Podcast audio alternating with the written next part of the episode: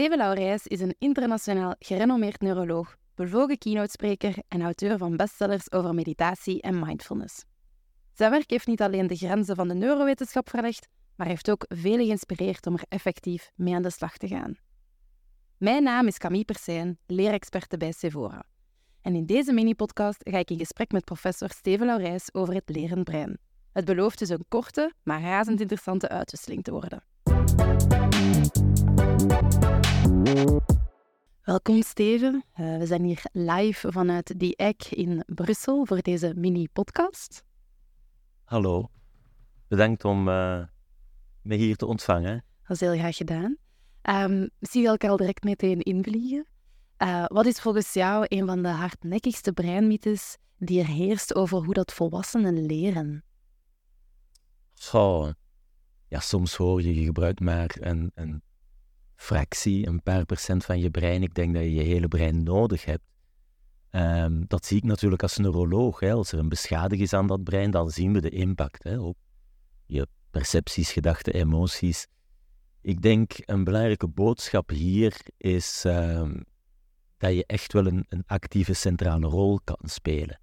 En dat brein, ja, dat is uh, plastisch. Hè. We mm. noemen dat de neuroplasticiteit. Dat is wat we bestuderen met de teams in België, Canada, China, met die hersenscans, um, die duizenden miljarden hersenconnecties.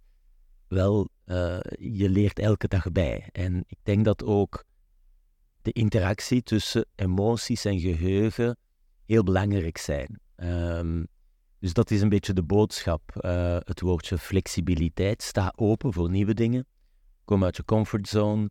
Um, en dan ga je dat voelen. Je emotionele flexibiliteit, je cognitieve flexibiliteit. Hoe kan ik me aanpassen aan een realiteit die permanent verandert? Soms moet ik een nieuwe job zoeken. Soms uh, moet die job uh, ja, extra uh, informatie, nieuwe dingen bijleren. Dus eh, dat is mooi en, en dat is eigenlijk heel goed voor je brein. Alright, dus die actieve rol daarin opnemen is belangrijk voor het brein. Absoluut. Het is natuurlijk als arts niet enkel het voorschrijven van pilletjes. Hè. Uh, ah, ik uh, slaap niet goed, uh, ik ben angstig, we hebben burn-out hè, in vele beroepen. En jullie beroep is, is zo belangrijk um, dat we echt even aandacht kunnen vragen voor ja, wat we allemaal zelf kunnen doen. En, en dat is ehm, ja, een gezonde werkomgeving, hè, de kwaliteit van, van die omgeving, maar ook van je relatie, uh, de kwaliteit van je slaap, wat je eet. En dan is er natuurlijk ook uh, meditatie, hè? Ja, vandaar het boek. Inderdaad. Um, alle andere technieken om anders met stress om te gaan, maar ook om uh, door die focus te trainen. Want de studies tonen dat onze aandacht die dwaalt soms af en dan zitten we in gedachten ergens anders. En eigenlijk is dat een beetje zoals sport, hè, meditatie. Het is het aanleren van nieuwe praktijken. Het is een soort mentale gymnastiek. Mm, absoluut. Als we dan misschien eventjes teruggaan naar jouw boek, hè, waar dat je toelicht dat meditatie je hersenen kan trainen om aandachtiger te zijn. Heb je misschien eventueel tips voor onze ambassadeurs om dit toe te passen in hun eigen lespraktijk, wanneer zij voor de klas staan, wanneer zij volwassenen helpen met leren en groeien? Ja, absoluut. Hè. Ik denk zowel voor de, de persoon die onderwijst zelf. Hè. Zoals gezegd, het loopt niet altijd uh, zoals gepland. Uh, soms is er stress en, en dan is het goed om soms even een, een momentje voor jezelf te nemen. Even. Dat is mijn favoriet. De eerste ademhaling is misschien de belangrijkste, maar ook voor de mensen die, die, die in je, je ruimte zitten, hè, uh, of, of virtueel voor, voor de um, online uh, courses. Mm-hmm. Ja, misschien die belangrijke boodschap. Um, we kunnen echt op een andere manier omgaan. En, en um, dat is een proces. Uh, we leren dat helaas niet op school, hè, dat, die soft skills. En dat dan zie ik in mijn praktijk. gaan we daar aandacht voor hebben eigenlijk als het al te laat is. Hè, als we zitten met die, die spanningshoofdpijn of slapeloosheid of angst, depressie, wat dan ook. Um, dus ja, het is goed om, om, om die boodschap te brengen. En soms, uh, we hebben in het boek uh, die boeddhistische monniken onderzocht. Ja.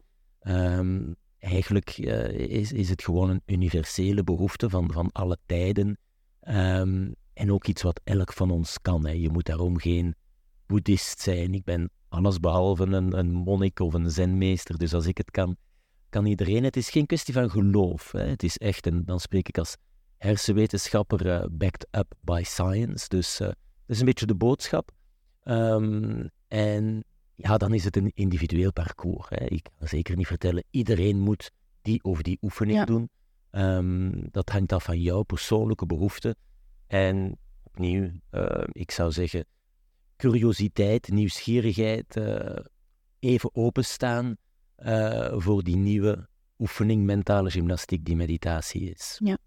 Dus als ik het goed begrijp, is het eigenlijk ook een beetje proactief. Het is niet omdat je slapeloos bent of dat je niet goed voelt, probeer al ook op momenten dat het wel goed gaat, al aan die oefeningen te starten. Heb je dat begrepen? Meer proactief? Uh... Ja, inderdaad. Hè. Het, is, het is goed van te anticiperen, uh, van dingen aan te leren. We hadden het over meditatie. Wat kan ik doen als er inderdaad zaken overkomen, op, op het werk of, of, of persoonlijk, hè.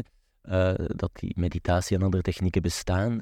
Ook weten dat inderdaad die slaap, vandaar het slaapboek, belangrijk is en dat we dat niet zien als ja, tijdverlies. Um, er gebeurt heel veel als we slapen. Uh, uiteraard, en we hebben dat ook aangetoond met het team, die hersenscans, uh, genomen bij mensen die slapen. Wanneer ze net iets nieuws geleerd hebben, dan zien we dat die netwerken opnieuw oplichten. Dus uh, voor de consolidatie van, van ehm, nieuwe dingen die je leert, geheugen, eh, is ook slaap heel belangrijk, zowel de diepe slaap als de droomslaap, die dan ook weer belangrijk is voor ja, je emotionele stabiliteit en creativiteit. Dus die hele complexe interactie tussen het bewuste, rationele, analytische, Cartesiaanse ik. En dan natuurlijk, we zijn emotionele dieren, irrationeel soms, eh, emotioneel.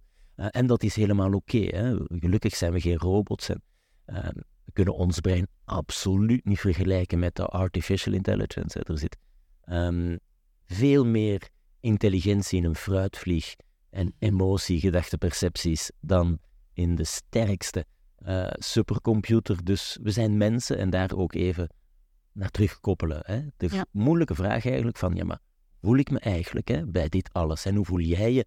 En hoe kunnen we uh, samen beter met elkaar omgaan? Ja. Oké, okay, slaap is dan toch wel heel belangrijk voor het verwerken van al dat geleerde na zo'n uh, opleiding. Absoluut, voor geheugen, voor emotie. En zoals gezegd, die twee hangen ook samen. Alright, helder. Misschien eentje om af te sluiten. Welke breintips gelinkt aan leren zou jij graag nog willen delen met onze ambassadeurs? Ik citeer dan graag Jacques Brel, mm. als hij zegt... Le talent, c'est avoir envie de faire quelque chose. Ehm, wat, wat jij voor jezelf hebt beslist van te willen doen, dat is belangrijk. Dat, dat, dat is uh, motivatie, is een heel belangrijke drijfveer. Als jij van in het begin zegt, het is niks voor mij, ja, dan gaat het ook moeilijker zijn om nieuwe dingen te leren. Um, dus ja, ga even zitten en, en denk na van, ja, wat wil ik eigenlijk? Mm -hmm. um, en dan kan je bergen verzetten. Alright, dat is een mo mooie tip. Ik zal misschien eh, daad bij het woord voegen en al een keer goed diep in- en uitademen. Alright, dankjewel Steve. Merci. Jij bent bedankt.